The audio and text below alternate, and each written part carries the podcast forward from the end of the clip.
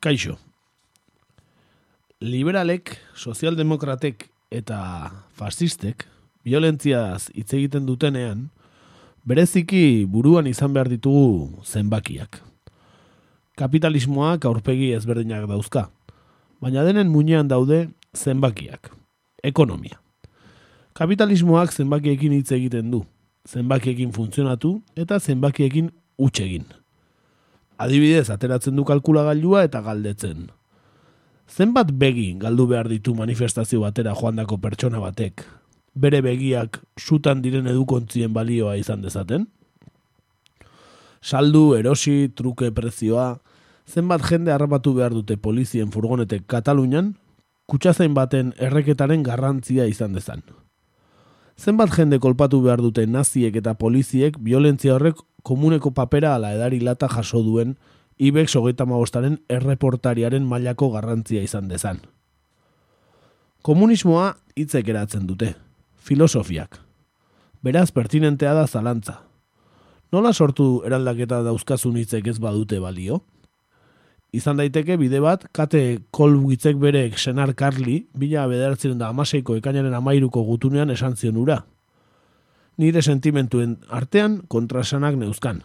Azkenean, impultsozko pentsamendu batetik ekin nion. Jauzi egin nion, egin nuen igeri lekura, moldatuko zara gero igeri egiten ikasteko. Hori da astelenetik mediterraneoko satorrak erakusten diguna. Egin eta gero ulertu. Azaleratu eztabaida zaharrak Instagramen garaian. Ez obeditu mundu zaharrari. Azken batean, ongi esplikatu zuen Brestek, Komunismoa ez da aberastasunaren banaketa justu bat. Pobreziaren banaketa da. Onar dezagun, gure askatasun parabolikoak, pantaia gure intimitatearen azken txokoraino sartu dituenean inoizko esperientzia pro, pobreenak dauzkagula. Horrek azaltzen du zergatik hainbeste bidaia, hainbeste pintxopote, hainbeste runin. Pobreak gara esperientzietan, baina are pobreagoak izan behar gara oraindik. Walter Benjaminek aldarrikatu zuen bezala, zerbait errespetagarria, sordadin gure gandik. Horrelaxea idatzi zuen edoi etxartek aurreko larun batean, urriak emenetzi, berriako larrepetit zutabean. Hemen hasten da, gaur egur. Guten Tag, meine Damen und Herren. Entering the United States. C'est la lutte contre le terrorisme. Katea ez da eten. Agirre, garaikoetxea, reizaola. Gaur egur. Gaur egur. Gaur egur. Jolasten eta enredando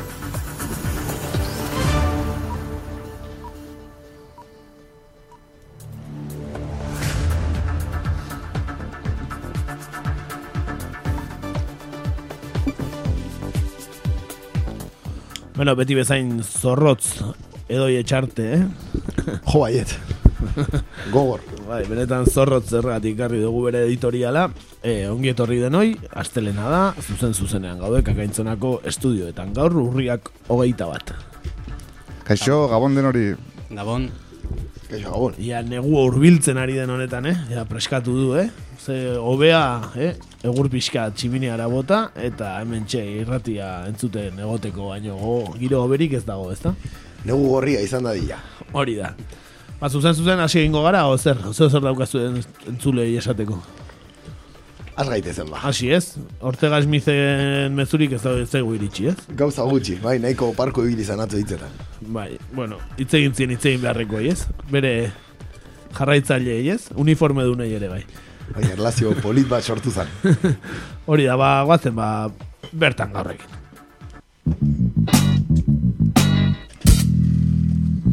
Bertan gaur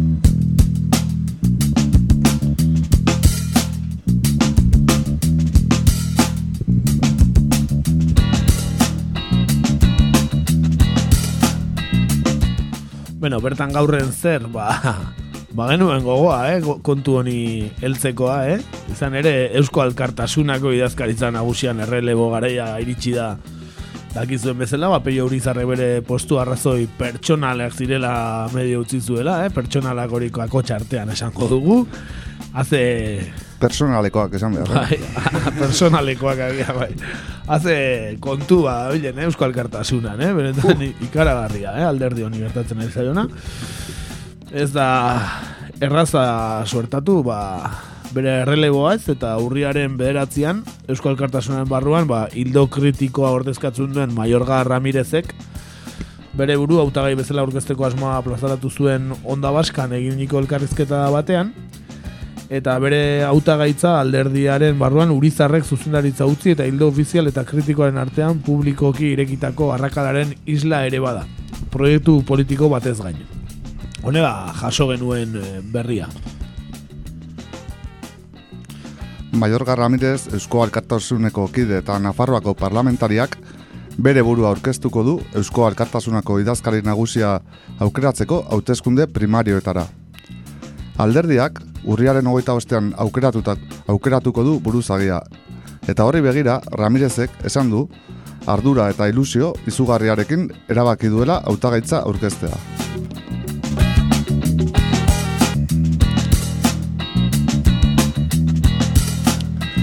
Ramirezek urriaren behatzean eman zuen erabakiaren berri. Eta azaldu du Carlos Garaiko etxea Eusko Alkartasuneko buru hoi eta Eusko Jaurlaritzako lendakari oiaren pertsuazio gaitasunei esker eman duela pausoa. Aderazi du, ea krisi guztietatik indartuta aterako dela. Eta uste du, alderdiko kideri gehienek atxekabez jaso zutela zuzendaritzak espedientea iraki izena miren aranoari. Irar, Iratxe López de Aberazturiri eta Mikel Goenagari, Nafarroako, Arabako eta Gipuzkoako koordinatzaileei. Tirabira horrek guztiak eta alderdiko zenbait kideri edabiden bidez eginiko deskalifikazioek atxekabe handia eragin dute. Baina badugu gauza garrantzitsu bat. Proiektu politiko sozialdemokrata bat herrialde honentzat beharrezkoa dena. sozialdemokraziatik, eh, ba, gutxi iraunzion ilusioak eh, ordea Ramirez eta bere taldeari, ba, izan ere Eusko Alkartasunako hauteskunde batzordeak atzera bota baitzuen hautagaitza, enteratuko zinaten entzuleok, ba, lehiakide zuen Eva Blanco, ba, ba de facto Eusko Alkartasunako buru izendatuz, ezta? Ba, bai, alaxe da, ez? E, esan barra dago oraindik ez dutela izendatu, ez? Ostiralean da Eva Blanco edo, bueno, eako zuzendari nagusia hautatzeko azken eguna, baina Maiorga Ramirezen hautagaitza alde batera geratu da, naiz eta berak lareun abala aurkeztu eta bere etxaiarenak esango dugu, ba, irurogei, ez? E, kontua da, Ramirezi e, iparraldeko abalak alde batera utzi dizkiotela eta zazpi aurkeztu zituen, bost behar zituen, baina e, ez dakit lau bat e, nolabait arrazoi teknikoengatik atzean atzera bota dituzte, ez? Zazpi bagarrik, eh, ibarralde osoa, eta, eta bost atzera, olau atzera bota dizkiote. Benetan, eh, ikaragarria.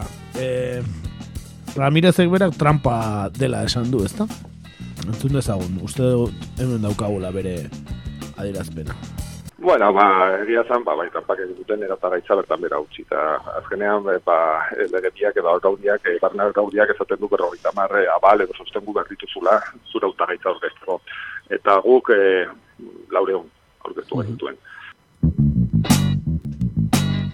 Hortxe, bere hitzak, eh? Lareun aurkeztu berreta mar behar direnean, baina nola, lege aldatu zuten, ez? edo? Hori da, aurreko ekainean e, eako batzar nagusietan edo e, onartu zuten berrogeita mar abaloiez gain herrialde bakoitzean, iparraldea herrialde bat bezala kontatuta, bost abal gutxienez behar zituztela. Eta naiz eta berme batzordeak e, horren kontra egin zuen, ba, bueno, organo nagusiak esan zuen, hemen gu gara. Hemen gu gara erabakitzen dugunak eta hau horrela egingo da eta kitxo ez. Eta azkenean, ba, bueno, Maiorga Ramirez e, alde batera utzi dute, oraingoz. Eta orain ikusten ari gehan tirabira guzti hauek edo eh, nun noiztik datoz o jakingo zenuk esaten? Bueno, nik uste zuek ere konturatuko zinetela ez, e, eta baita entzuleak ere, aspalditi datorren kontua dela, ez? Naiz eta orain guztiz azalaratu den Peio Urizarrek bere arrazoi pertsonalak dela eta utzitako postua erabakitzeko momentu honetan, ba, duela bi urte adibidez ere gogoratzen baduzue 2017an Peio Urizar e, idazkari nagusi izendatu zutenean Maiorga Ramirez irabazion boto eskaseko aldeagatik, ez? Eta nola baita esateko, nik esango nuke EH Bildun sartu ziren momentu beretik, ez? Hasi zela hor pixka bat ez da bai da, ez dakit zer deritzo zuen zuek. Bai, bai, Bai, bai.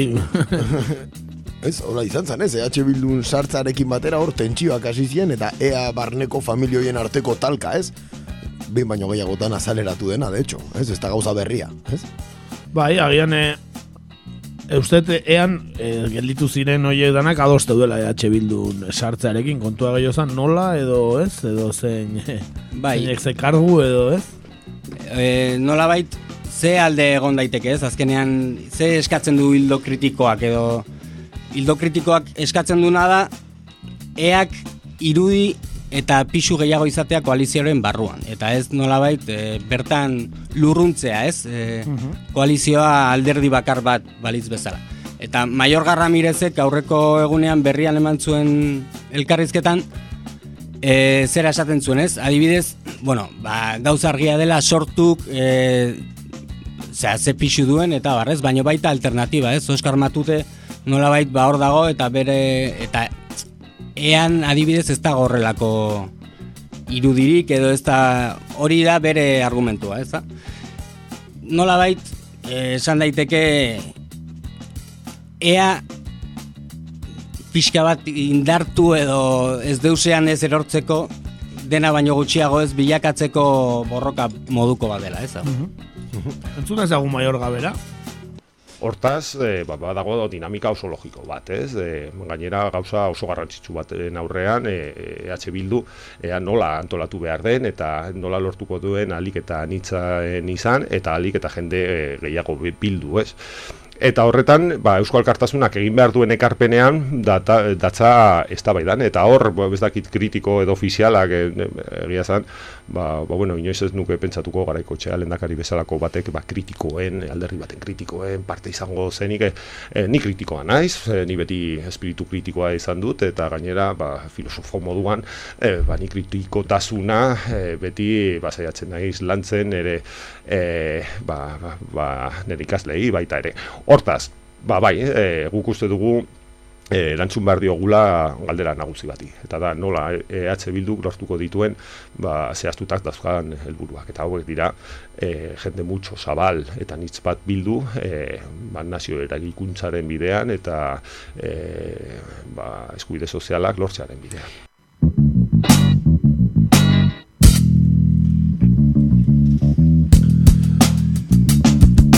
Uzten badia zue intziso txiki bat egiten esan duenaren inguruan, e, garaiko etxea lehendakaria nekez ikusten omen du hildo kritiko baten barruan. Ba, ez dakit, nahi irutzen zait, ez dakiela oso ondo, ez, garaiko etxearen historia. Ze PNV-en zegoenean berdina egin zuen pixka bat. Orduan bazan hildo kritiko, eh? Hori da.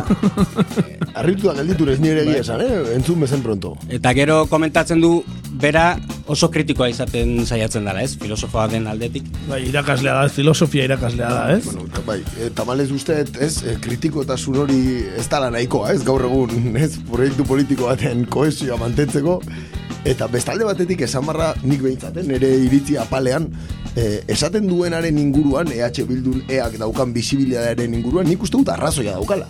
Hau da, norbait balima dago kalte duta EH Bilduko e, aurpegi publikoetan, ez? Eta ordezkaritza gutxi daukana proiektzio e, publiko gutxi daukana Euskal Kartasuna da. Konturatzen bazeate esan duzuna, ez?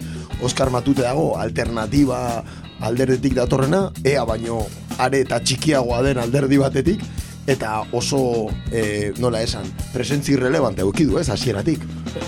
Esan daiteke gainera, baita baola jendea, eh, Bildun ordezkari dena eta bastante agertzen dena, aralarkoa izan dakoa, eta orain ezakiguna ze alderditan dagoen ere, ez da? Adibidez, ez? Aralar desegin ondoren ez dakigu sikiera ze alderdiko, ez? E, representazioa diren pertsona horiek, ez? Orduan zentzu hortan nik uste dut Maior Garramiretak arrazoia duela, nire iritziz. Bai, arrazoia badauka, baina nolabait earen irudia edo pisua EH Bildu barruan bada bere espazio politikoaren irudia ere bai, errealitatean, esan nahi dut. Alternatiba naiz eta partio txiki bat izan, ba, ezkerraldea ordezkatzen du, ez ezkerraldeko ba, Bai, boska horiek eta Hori da, etorri ziren, e, espainalaletik etorri ziren jendea, eta gaur egun bere seme alabak, ba, euskaldunak sentitzen direnen adibidez, ez? Baina ea, e, EH Bildu sartu zenetik, ba, ez dauka inolako... Hala ere, bere politikek badaukate isla EH Bildun, eh? Esan dezagun, eh, guazen orain dela maost urtera herri batasuna edo euskal kartasunak esaten zuena, ikus dezagun orain EH Bilduk ze jarrera daukan lege batzuna alde edo gai batzuetan, eta euskal kartasuna lasai egon daiteke sozialdemokrazia badagoenik euskal abertzaletasunean, eh?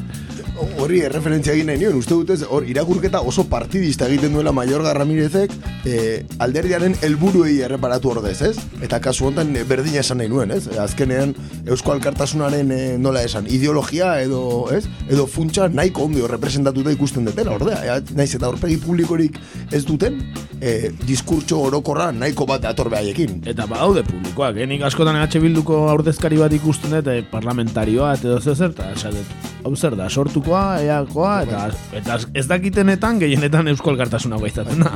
Hor gauza bat ez, eh, postu banaketatan, ez, eh, postuen banaketatan, eak alderdi oso bezala kontatzen du, ez, hau da, zerrendak egiteko garaian, beraien posizioak ere errespetatzen dira, ez, bat alderdi bakoitzekoa, eta kasu honetan, eak ere, ez, eh, bere posizioak mantendu ditu, ez, EH Bildu sortu zen. Urizar beti joan izan da nahiko goran, ez, parlamenturako, eta, ez, bi- bigarren, hirugarren, ez, horrelako zeu zer, beti. Baita, ez, diputazioetan, edo, ez, Bai, bai, normalean, daukan pixua baino handiagoa, eduki dezakela irudi... irudi osea, Iruditzen zaie behaiei. Bai. Horre bai, ontzan, gatazka bat, e, aurreko hauteskundetan, e, foru hauteskundetan, gipuzkoako zerrendatan, ez zate goratzen nola e, zerrenda batzuk atzea bota zituzten, eta horreako, eako zerrendak ziren, Atzea bota zituzten. bai, bueno, eako kiden artean izan zen gatazkak, eh? Ikemik egon ziren posizioegatik, ez da, Bai, eta, zerrendan, eta ez? azkenen Bai. batzuk atzea bota zen, eta jun indi, eta oain ikusi nitun lengoko argazkin, ikusi nitun zerrenda horietako batzuk oain kritiko hartzen darela. Aha. Zati bat e, gure herrikoa da, eta horreitik e, Bai, ezagutu ja, man, horreitik. Igual gauza pertsonalagoa dala, ez? E, Bai. kontu guztia, hau, ez? Gero zerrenda kontutan bai arazoa gertazan e, gernikan ezagite ezaten goratzen. Baita nik uste baita antzeko kontu diela, eh? E, Bai, e, Gernikako alkate zana, ez? Azkenen eh, E, hori da. aurkeztu zan, ez? bai, bai, bai. Mhm, Bai, bai. E, gora ezagun, agian araudia eta azpixka gehiago itzengo dugu orain, ez? Ez gertatu dan. Ba, esan nahi nun azto horretik, e, Iruñako alkate izan den Joseba Siron Eusko Alkartasunakoa, dela, beraz, hor bai izan dute protagonismoa, eh? Bai, bai, bai, egia da, ez oso figura relevantea izan da, eta oso publiko hor egia da, eh? Eatik datorren Edo pertsona. gertukoa da. behintzat, ez? Zeren ni beti eako gauzetan ere ikusiet, mitinetan eta kontuetan. Dakit afiliatu dut agon, horregatik ez dut esan nahi, argi eta garbi baino. Bueno, eh, mundu horretatik datorrela esango dugu, ez? Bai, Bai, bai. bai, bai. bai. Hala ere, bueno, gertatu dan kontu guzti hau, ez, agian errekurtso hongo da, agian ez, bueno, ze, ze prozedura erabili dute guztiontarako? Bai, bueno, errekurtsoa aurkeztu dute, ez? E, baina esan dugun bezala, ba, ostiralen da azkeneko epea, eta inor gehiago aurkezten ez baldin bada, eba Ba- balankoz gain, ba, bera izango da idazkari nagusia. E, prozedura erabili dutena, ba, ekainean berritu zuten, hauteskunde, alderdiko hauteskunde antolaketarako batzordeak, e, lege berri batzuk jarri zituen, ez? Eta gero, ba, esan dugun bezala, berme batzordeak e, nolabait hildo kritikoaren eskutan edo dagoenak horren kontra egin zuen eta ba, bueno, e, zuzendaritzak esan zion gauzak horrela egingo zirela. Eta horrela, ba, tirabirak gora eta bera, gero baita gogoratu e, Maior Garramidezek eta bueno, e, hildo kritikoak salatu zutela ezietela e, zea ematen, ez? Listak, ez? Listak edo aktak edo bai, e, zensoa nola bait, ez? Bai, hori da. Ele, eh, afiliatuen eh, Zerrendak, ala? Zerrendak edo, ez? Bai. Eta ba, horrela izan da pixka bat, bueno, esan dezakegu nahiko nahasia izan dela, ez dakit Bai, ze interes egongo diren atzean. ez dakit, Maiorga Ramirezen adierazpena baditugu kontu honei buruz ere, beraz, ba, entzun ezagun, ba, kasu honetan gorko protagonista nagusia dugun Maiorga Ramirez, ez? Entzun ezagun. Bai, hori da di- diotena, baina horretarako zu eh, argi eta garbi izan duzu moduan indarrean ez dagoen arau e, arau bat e, hartu behar izan dute. Hortan, e, egin behar du, izan dute interpretazio bat, non lurralde bat, baten moduan e, iparralde osoa hartzen den, hau da, ez da, e, Benafarroa, ez Zuberoa, ez, labu, ez lapurdi e, lurralde txat hartzen, baizik eta guztia lurralde batela, eta gero, baita ere, en eta bertan bera usteko, ba, e, e, lau, e, e, orotara post abal, e, iparraldeko post abal, bertan bera e, utzi dituzte e, problema teknikoen gatik. Dutzen ere, pasinadura ez delako e, behar bezala ikusten, e, falta zela e, nan bat e, eta hurrengo gunean heldu zela, eta horrelako gauzak. Ez eta azkenean, e, Euskal Kartasuna bezalako e, alderdi batean beti e, barne demokrazia nagusitu egin da, eta afiliatuok nahi duguna da, boskatu, e, gure idazkari nagusia e, e, autatu Bueno, bakarrik eh, Maiorgan bertsioak, baina berak esaten duenak nahiko puntillo oso jarri dira, ez? E, batzordekoak, ez? E, alderdiko hauteskunde antolaketarako batzordekoak, ez? Bai, hori dirudi, ez dakit, e, bentsat, e,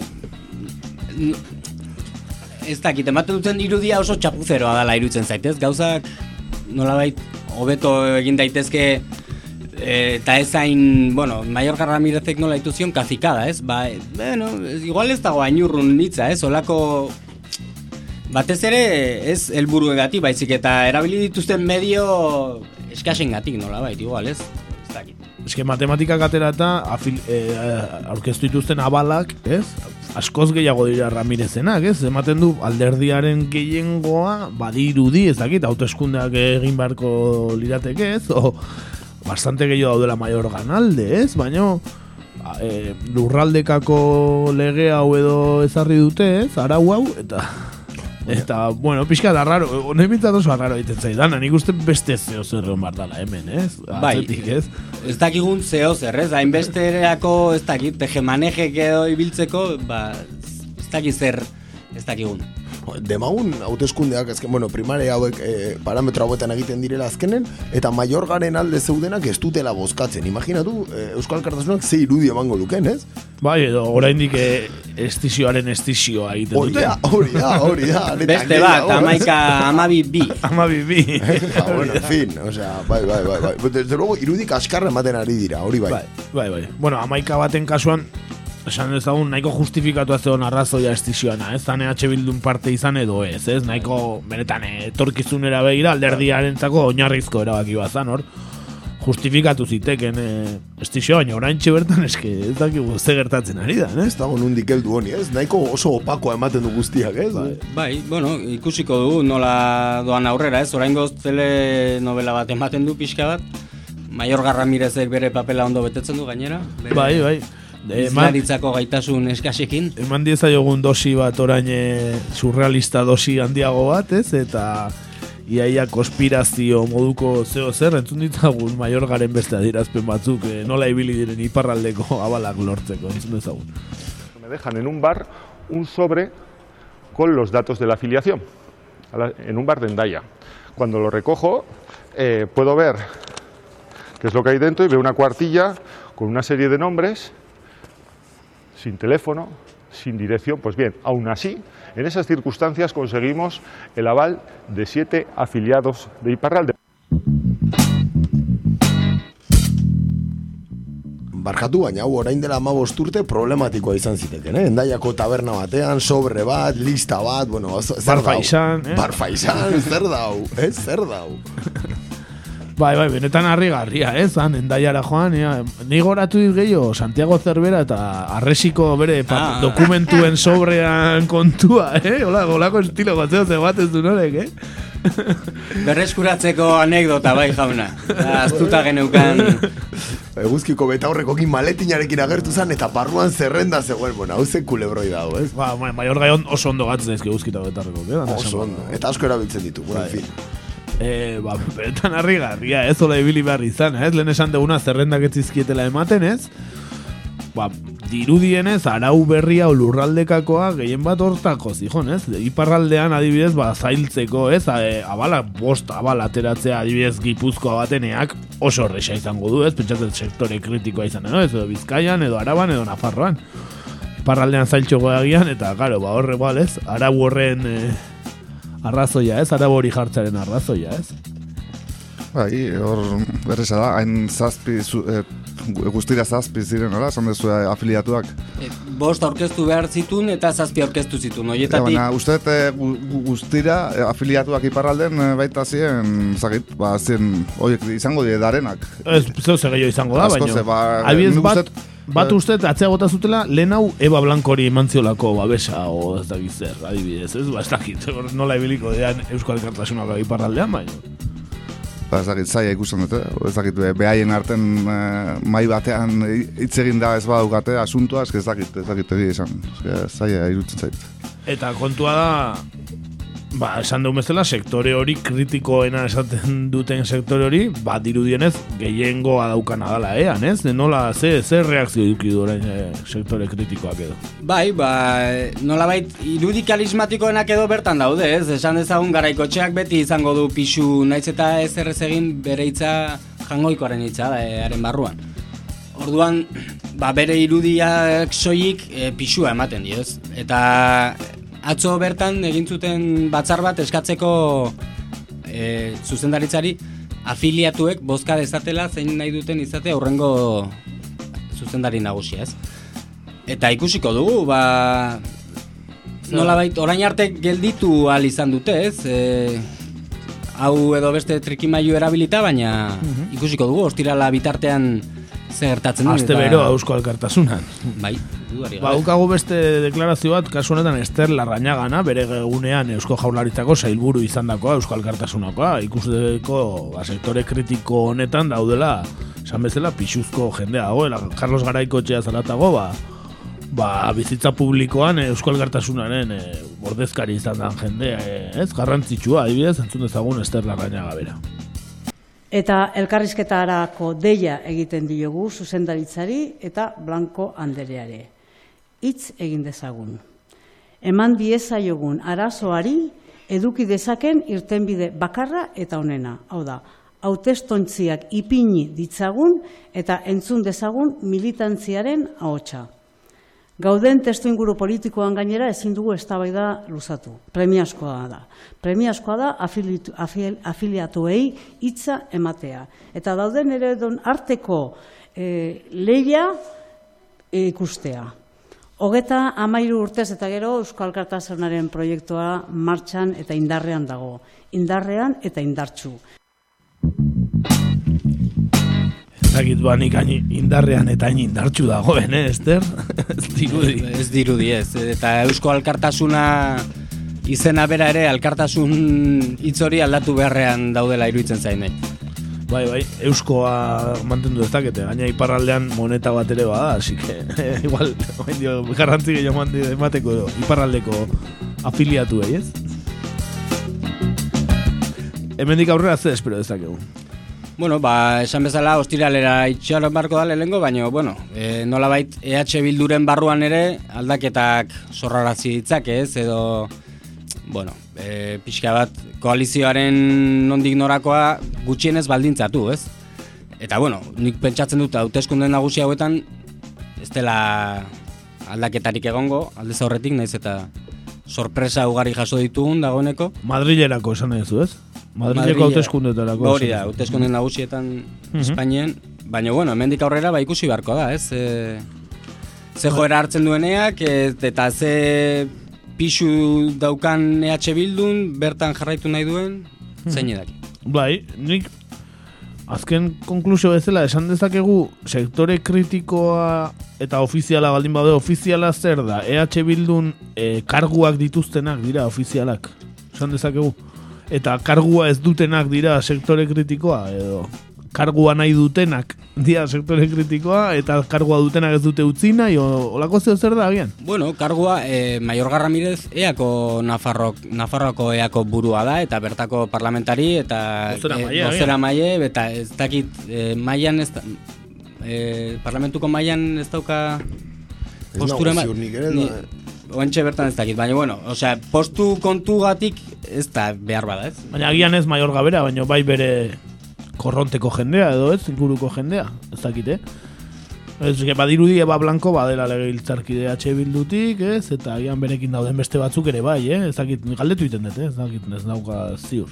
Ea, kargua banaketen kontua den, eske zeu zeu egon behar dauka, hemen atzen. Ba, bai, desde luego arrazoi bat egon barra dauka, ez? Pisuzko arrazoi bat gainera horrelako trikimailuk egiteko, eta eta nik esango nuke karguak ez dirala oso urruti ibiliko, Bai. diskusio honetan. Bai, bai, eta- Susmoa daukat. Bai, adibidez, eh, lehen komentatu duen bezala, eh, foru hauteskundetan gertatu zen gatazka hori bintzet, garbi zerrenda izen kontua zela, eh? zerrenda ba orden kontua eta ka, kargu kontua azkenean, eh? Baina hori da, percepzioa da, bakarrik ezakit gero behaiek barrutik ze biziko duten. Baina, bueno, egia da nolabait dedukzio hutsa erabilita ez eta materialistak izan da, ba, botereak inporta du eta diruak eta azkenean eragina eukitzeak, ez, e, gizartean. Nolabait, ba, karguen bidez irudikatzen dena eta seguro horrek ba, eragin nabarmena daukela, ez. Azkeneko galdera la pregunta del millón, esaten dana, eh? Peio Urizarrek zer dio? Ba, bere eh, arrazoi pertsonaletan sartuta dago, Rajoirekin batera behar bada. Naiz eta azken hau ikusi dugun sarritan, azken aldian. Baina, bueno, ez dakigu peio hori zarrek zer dion, ez? Eta ez da, begonia arrazti ere ez da gertu hortikan.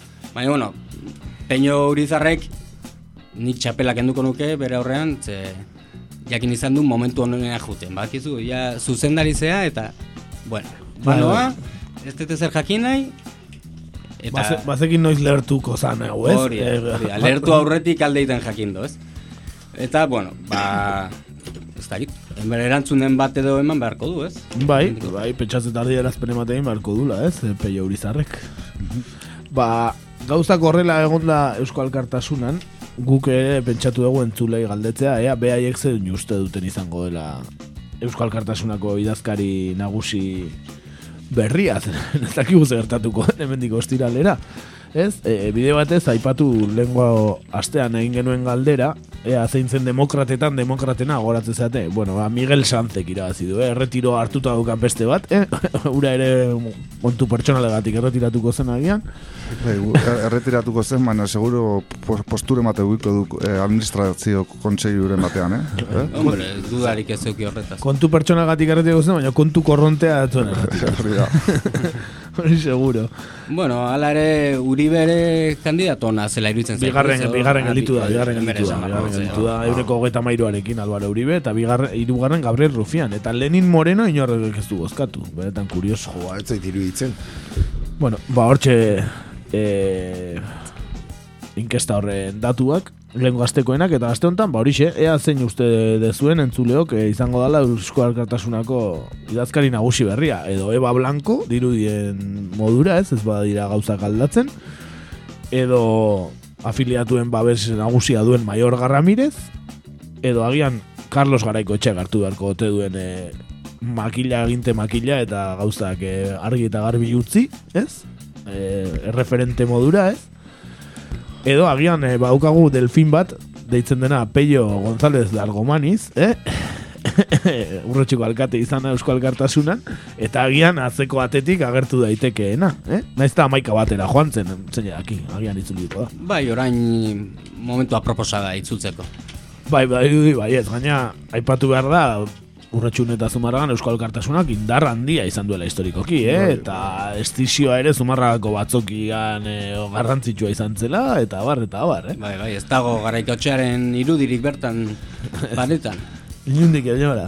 Baina, bai, bai, hau herri hontan eh, indar Bai, bai. handiko alderdia izan da Euskal Kartasuna, eh? Bai, eta Gipuzkoan orokorrean, e, bai, eta beste behin komentatu genuen, ez? Izan da, boterean egon den alderdia izan da, e, Euskal Kartasuna. Ez dakit nola esan, baina... Bai, bai, gobernuan egon dena. Hori, ja, e, Gipuzko mailan batez ere... Udalerri askotan, ez? Udaletxe asko uki dituen Bisagarra, ez? eta Bisagarra bai, eh? Bai, bai, bai. Ba, eta e, Ibarretxeren garaian ba, go, Baita. gobernuan bertan, ez, eusko Bai, bai, eta pisu ez hauken, eh? Gobernu barrun ere, Bai, pisu bai, ez bai. hauken. Perfil importantea.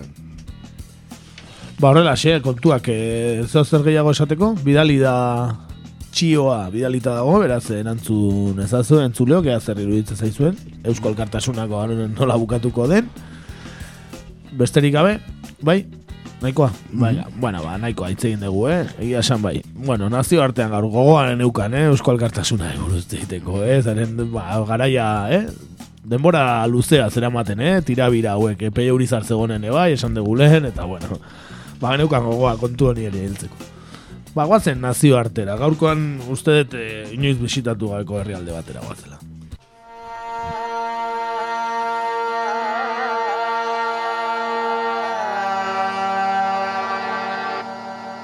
Nazio artean gaur.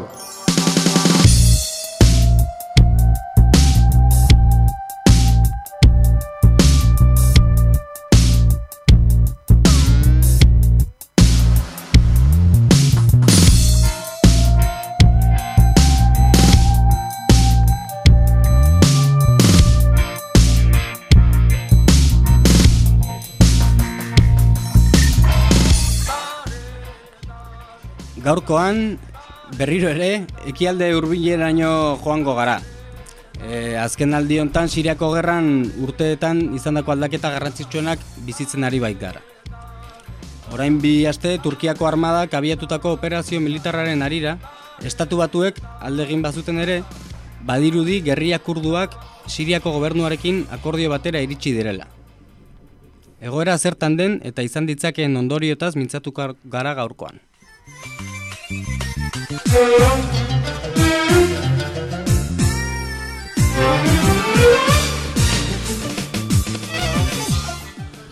Siriako gobernuak eta Rojabako Kontseilu Demokratikoko Siriarrak akordioa lortu zuten pasaren astean Turkiaren erasoari elkarlanean erantzuteko. Siriako armada herrialdearen eta Turkiaren arteko mugan zabaltzea adostu dute. Siriako armadaren edatzeak helburu izango du Siriako indar demokratikoak babestea. Turkiaren erasoari erantzutea eta Turkiak azken egunetan hartutako lurrak askatzea. Horien artean dira Ras Alain eta Tal Abiad iriak. Lehena aste artean bertan berrezera eskuratu zuten indar kurduek. Bigarrenean borroka gogorrak izaten ari dira armada turkiarrarekin.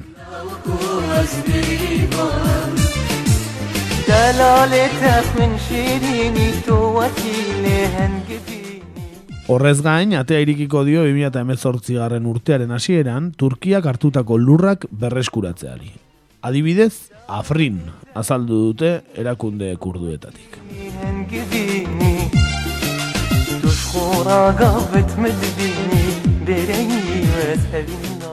Amerikako estatu batuek beren tropa guztiak Siria iparraldetik erretiratu eta ordu gutxira iragarri zuten akordioa Damaskok eta Kontseilu Demokratiko Siriarrak.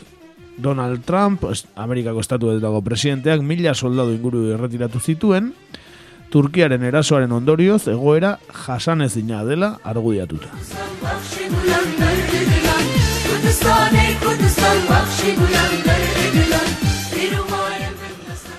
Turkiak gune seguru bat eratzeko aitzakiarekin hasi du kurduen kontrako erasoa Rojaban, Ankarak talde terroristatzat dauka SDF gidatzen duen IPG, herriaren babes unitateako milizia kurdua, eta mugateik aldendu nahi izan dute. Hasieran eun da hogei kilometro luze eta hogeita mar kilometro sakon zen lurralde bat kontrolpean hartzeko asmoa agertu du. Baina pasaden urriaren amairuan, lurralde hori zabalagoa izango zela ere adierazi zuen Recep Tayyip Erdogan Turkiako presidenteak. Hartu nahi duen ere muaren zabalera, lareun da laro kilometroko dela iragarri zuen. Eufrates ibaitik irakera ino, konkista berria er Erdogan entzat, eh?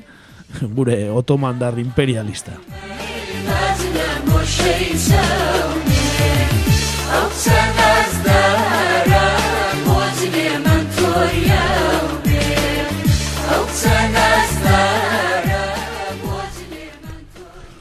Bai, horrela gauzak. Bai, e, Kurdistan alde hortan, bai, momentu hontan, bueno, ba, egoera nahiko nahiko berezia, ez? Bizi da bertan hainbat elementu berri daudelako, ez? Mai gainean. Bueno, importante da lehenengo gauza momentu honetan Siria e, nola dagoen, ez? Argitzea, zein da lurraldearen banaketa, bai? E, nagusiki esan dezakegu irutan dagoela banatuta, bai, alde batetik dago e, batxarra lasaden kontrolpean dauden lurraldeak, bai, e, hau da gobernuaren e, kontrolpean, bestalde batetik e, Siriako iparraldea, bai, e, Kurdistan Siriara, nun hori e, milizia kurdoek ba, kontrolpean daukaten Turkiako Turkiarekin muga egiten duen lurralde guzti hori, bai, eta hirugarren zati bat egongo zan, alazaden aurkako e, errebeldeen edo oposizioaren esku e, ba bueno, dauden lurralde hoietan, bai. E, gero, ezin dugu aztu badago elementu txiki bat, dagoeneko garrantzi hundirik ez daukana, baina existitzen dana. Eta da, e, Daeshen kalifatoa deseginda, balima dago ere, oraindik foko batzutan Daeshen presentzia existitzen dela. Eta bere kombatienteak oraindik hor jarraitzen dute. Sirian bertan? Sirian bertan. Ordun hori e, alde batetik, bai.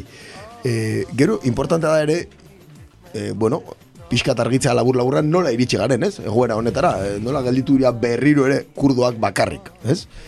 E, 2000 eta malauko abuztuan, bai, kurduek e, aliantza estrategikoa sinatu zuten e, estatu batuekin eta koalizio internazionalarekin, bai? Eta e, batez ere estatu batuek, ba, bueno, e, aire erasoak, bai, e, burutu zituzten kurduekin koordinazioan daesen aurka e, egiteko, bai? Karo, kalifatua desegindakoan, ja, estatu batuen lehenengo, ba, bueno, e, lehenengo zalantza zantzuak agertu ziren, eta onaino iritsi gara, bai, nun Erdoganek inbazio bat hasi duen Siriar lurratean, eta Donald Trumpek esan duen handik alde egiten dutela, eta bere militarrak bertatik e, ateratzen ari den. Bere onespena eman, ez azken finean, ez, nola baitz? Zalantzari gabe, bai, urtik, e, e, ezinbestekoa da Donald Trumpen e, onespena gertatzen ari den guztian, noski. Bera gazi du, ez, pixkat, e, ajedrezeko joku partida berri hau ez, e, Donald Trumpek begira gazi du ez? Hori da, bera jarri zuen tableroa. Bai, gero fitxak gehitzen juntzien, baina tableroa bera jarri zuen hasiera batean. Bai, gogora ezagun. Eta tablero horretan, ba, beti bezala, eh, kurduek ba, peoiaren rola, ez? Jokatzen ari dira tamalez, bai. Eta Turkiak, ba, albidetu ez, kurduekiko historikoki duen gatazka honetan ez? Zalantzari gabe, bai, importantzia handia eukidu, eh, Turkiar gobernua, gobernuarengan kurduek lortu duten autonomia maila eta autogobernu maila. Bai, Siria... E... Siria eta Iraken ere bai, ez? Zalantzari gabe. Gora ezagun, Turkiako estatuan ere badagoela Kurdistan. Baten bat despistatuta baldin badabil. Hori da, bai, bueno, noiz bait komentau izan dugu, baina hoxe ez, Kurdistan e, bost aldetan manatzen da, bai, ez, zati bat Sirian, beste bat Turkian, beste bat Iraken, beste bat Iranen eta beste bat Armeniako egualdean, bai. E, hor, badago, bueno, mm, ez dira denak berdinak, bai? Hau da, e, rojabakoak, hau da, siriako iparraldean bizigiren kurdoak, e, ba bueno, e, ideologia sozialistakoak dira, eh? ekosozialistak, egin zuzen ere, eta iraken dauden pesmerga edo, ez, e, e, denominaziopean ezagutzen direnak, e, ez daukate hildo ideologiko hori, bai? Eta Turkiarekin, de hecho, nahiko erlazio honak euki dituzte, bai? Azken urte hauetan.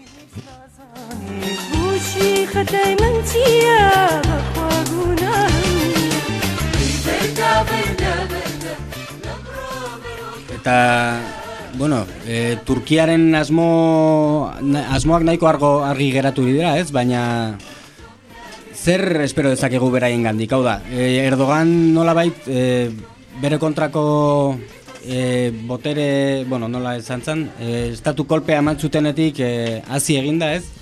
Eta Turkia ba, estatu militarizatu moduko bat bezala bilakatu da, eta zer espero ezakegu beraien gandik orain? Ze aliantza dauzka on, gainera, ez? Estatu batu ez gain. Turkiak momentu honetan egin du eh, jokaldi oso, oso potente bat, bai? E, lehenengo gauza anuntziatu duena e, aste beten aldatu egin du, bai? Asera batean komentatu egun bezala, hogeita mar kilometroko franja, segurtasun franja bat. Muga inguratzen zuena, ez? Sortu nahi zuen hori da, bere muga inguruan, eta dagoeneko onartu irakeraino. Ez, e, lareun da berrogeita mar kilometro, ez, extenditu nahi duela e, franja hori. Oen bere muga eufratesen igongo da orduan. Hori da, bai, horrek zer suposatzen du, ba, ia rojaba guztia e, konkistatzea. Bai, Orduan, alde batetik hori dago, beste alde batetik dago ere, Erdoganek erabili duen argudio humanitarioa. Bai, gogora ezagun Turkian, iru milioi eta erdi errefusiatu daudela, bai, gerratik alde egindakoak, eta Erdoganen plana humanitarioa litzake bi milioi e, ber, birkokatzea esango dugu, ba, rojabako e, lurralde, lurralde horretan. E, noski, dagoeneko ja ez dago zalantzarik, Erdoganen nahiak anuntziatutakoak baina undiagoak direla, e, hor ez dago inungo zalantzarik, Eta e, gero, kontutan hartu behar dugu Turkiak anuntziatu badu ere inbazio hau e, ez dagoela bakarrik. Turkiaren aliatu nagusiak batxarra lasaden kontrako milizia hauek dira, bai? Eta tartean, noiz baita hemen komentatu dugun moduan, e, talde islamista wahabitak dauzkagu. Bai, adibide bat jartzearen, Alkaedaren frankizia zan asilian, bai, alnuzra frentearen oinordekok e, bertan kokatzen dira. Ideia bat egiteko, Erdoganen babesa zein denez. Beraiek ari dira konbatitzen da etxo. Orduan ze aliantza internazional gehiago ditu e, Turkiak. Turkiak momentu honetan dauka, dauka bentaja bat. Bai, dauka bentaja bat. Eta da, denek behar dutela. Europar batasuna ez da bere aliatua, baina txantaje egiteko dai e, da Turkia momentu honetan e, errefusiatuen kontuarekin. Ordu hor ez daka arazorik. Izugarria izan zen, ez? Nola ze argi eta garbi esan zuen Erdoganek. Bueno, zuek zehoz etxarra esaten baduzue inbazionen kontra, e, fronterak irikiko ditugu. Beste inbazio bat eukiko ez du beste aldetik. Hor, kontutan euki behar dugu, Turkiak eta Europar batasunak orain dela urte batzuk akordioa sinatu zutela, eta Europar batasunak irumila milioi euro, orain du zizkioela Turkiari errefusiatuak mantentzeko, Europara ez iristeko. Orduan, hor erdoganek baza handia dauka, Europar batasunarekiko. Venezuela ere be, aliatua dauka, ez? Bai, bai, bai, hori da, petrolio negozioak dituzte beraien artean, bai, eta beste hainbat herrialderekin, bai, bai, bai, bai. Orduan, hor al- alde batetik hori, bestetik, e, Putin dago tartean, bai, badirudi Putin alasa den aliatua dela, eta horrela da, baina momentu honetan Turkiak Putin behar du eta Putiniak Turkia behar du. Bai, gogora ezagun gertatu den, e, ba bueno, inbazio honen ondoren, bai, gero jongo gane moduan, sueten bat aldarrikatu dela, bai, eta eta kafkeanoa balima da ere, momentu honetan Sirian nazioarteko indar nagusiena Turk, osea, e, Errusia da. Bai, estatu batuek eta Turkiak negoziatutako suetenaren verifikatzaia Errusia izan bar da, kafkeanoa badirudi ere. Orduan beraien artean, ez, behar mutu hori daukate momentu honetan. Ez? Mhm. Eta zein dira helburuak e, Turkiar inbazio honenak? Bere lurraldean diteaz gain? Kurduek, kurduak deusestatzea, oh, ez? Seguru.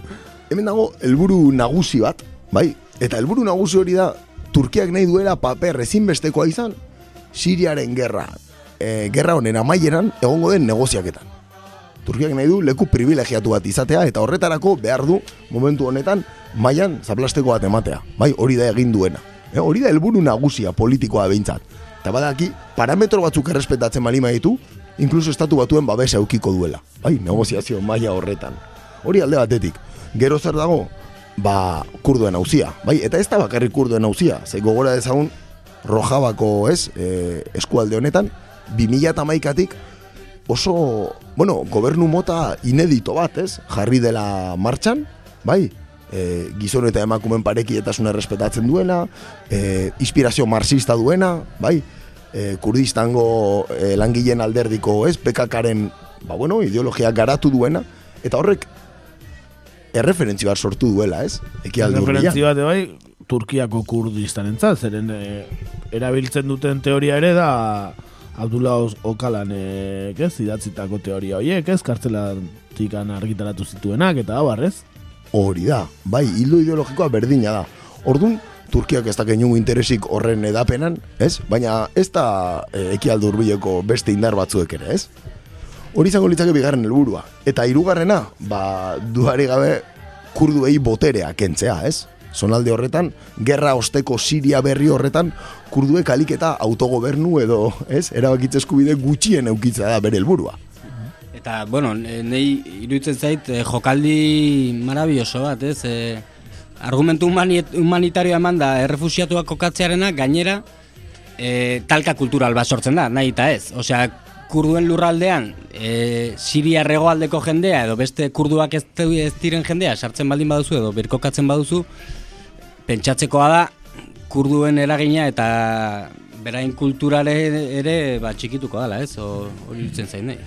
Zalantzare gabe, eta hori ere helburuetan dago, ez? Kolonizazio moduko bat, ez? Zalantzare gabe, eta azken finean eh, genozidio bat, ez? Horre, bai, Beste bat. Beste bat, gehiago, ez? Berak ondo daki, bi milioi errefusiatu horiek birkokatzen balima ditu Kurdistanen, zonaldearen eh, demografian eta ez, eh, kohesio sozialean aldaketa bat gertatuko dela bere onerako kasu honetan. Bai? Eta hor, kontutan euki bar dugu plan batzuk filtratu direla oso zehatzak direnak. Hau da, zenbat errefusiatu e, sartu herri bakoitzean, ze konfesiotakoak, ze talde etnikoetakoak, guztia oso ondo pentsatuta dago, bai. Eta esatea ere, azken gauza importante bat, eta da Turkian, errefusiatuen gaia dagoeneko e, konpone zinantzat ematen dara. Bai? Eta bai iritzi publikoak, bai politi, e, diskurtso politikoetan, e, bozka asko ematen dituela momentu honetan errefusiatuen afera honi irten bidea ematea. Bai? Eta Erdoganeko ere oso ondo jokatu. Erdoganen eh, humanismoa zalantzan jarri gabe, ez dugu zalantzan jarri inundik inora irratxa honetan, ez da? Eh, Erdoganen humanismoa. Eh, bueno, egon dira erasoak eta egon da, ez? Gerra egon da, ez? Azte hauetan, eh, han, eh, berriz ere. Eta nun kokatu dira, o nola, nola izan da gerra kontu hau? Bai, orengoz, eh, bueno, operazio honek izen bonposo bat dauka, udaberriko bakea deitzen da, bai? Eh? Piece of Pri- Spring. La primavera árabe, ez? hortik ez, hitz jokoa pixka hartuta, bai?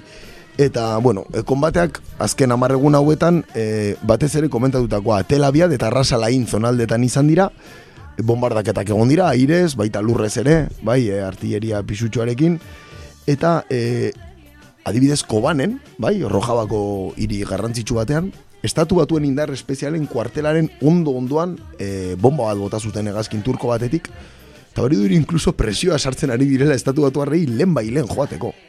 Bai, alde egiteko. E, balantzea zein da, ba, oraingoz berrogeita mar bat hildako kalkulatzen dira, e, IPG eta IPJ gerrien artean, beste berrogeita mar inguru, ba, Siriako armada libre horren inguruan, bai, hauek dira e, batxarralasa den opositoreak, hm? eta bi turkiar soldadu ere hil dira. E, bueno, ideia bat egiteko nora dagoen e, banaketa inda. Eta areta garrantzitsuagoa dana, dagoeneko irure mila pertsonek ja alde egin dutela beraien etxetatik. Ba, bai, gerra orantxe roja ban, ez da? Hola, eh, gerra hitz, eh, oza, letra guztiek.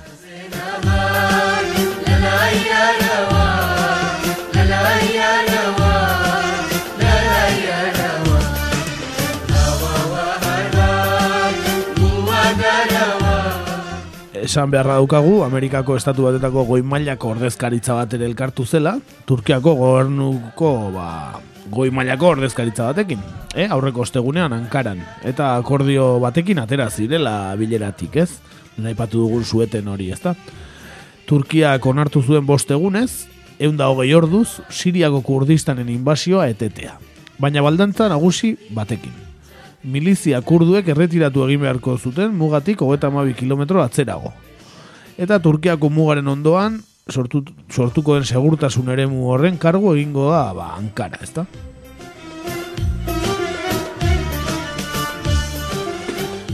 Estatu batuekek erra- erraztu egingo duela prozesu hori dio, eta trukean ez dituzte ezarriko Turkiako zenbait agintariren kontra aste honetan bertan iragarri dituzten eh, zigor ekonomikoak. Mike Pence, Amerikako estatu batetako presidente ordeak esan zuen akordioaren berri eta handi gutxira, SDF Siriako indar demokratikoak koalizio militarrak adierazi zuen eh, ba, onartu zutela, ez da akordioa. Kurduak dira gehiengo horren barruan, SDF kontrolatu du Rojava azkeneko urteotan, ezta? Suetena Euskal Herrian osteguneko gaueko bederatziak inguru zirenan sartu zen indarrean, eta Rojabako zenbat iritan herritarrak ospatzera ere atera ziren kalera. IPG IPJ-ko milizia kurduek beren arma astun guztiak suntxiktuko dituztela eta borroka postuak erabat deseingo dituztela jasotzen du Amerikako estatu batuek eta Turkiak adostutako itunaren bederatzigarren puntuak. Amerikako estatu batuek arduratu beharko lukete horretaz eta kurduek mugako inguruak usteaz. Eta Turkiak bere eskuetan hartuko du segurtasun eremuaren kontrola. Akordioak ez dio zerrikitu handirik utzi ikusten dugun bezala SDF-ko eta IPG eta IPJ-ko indarrei, baina onartu egin behar izan dute.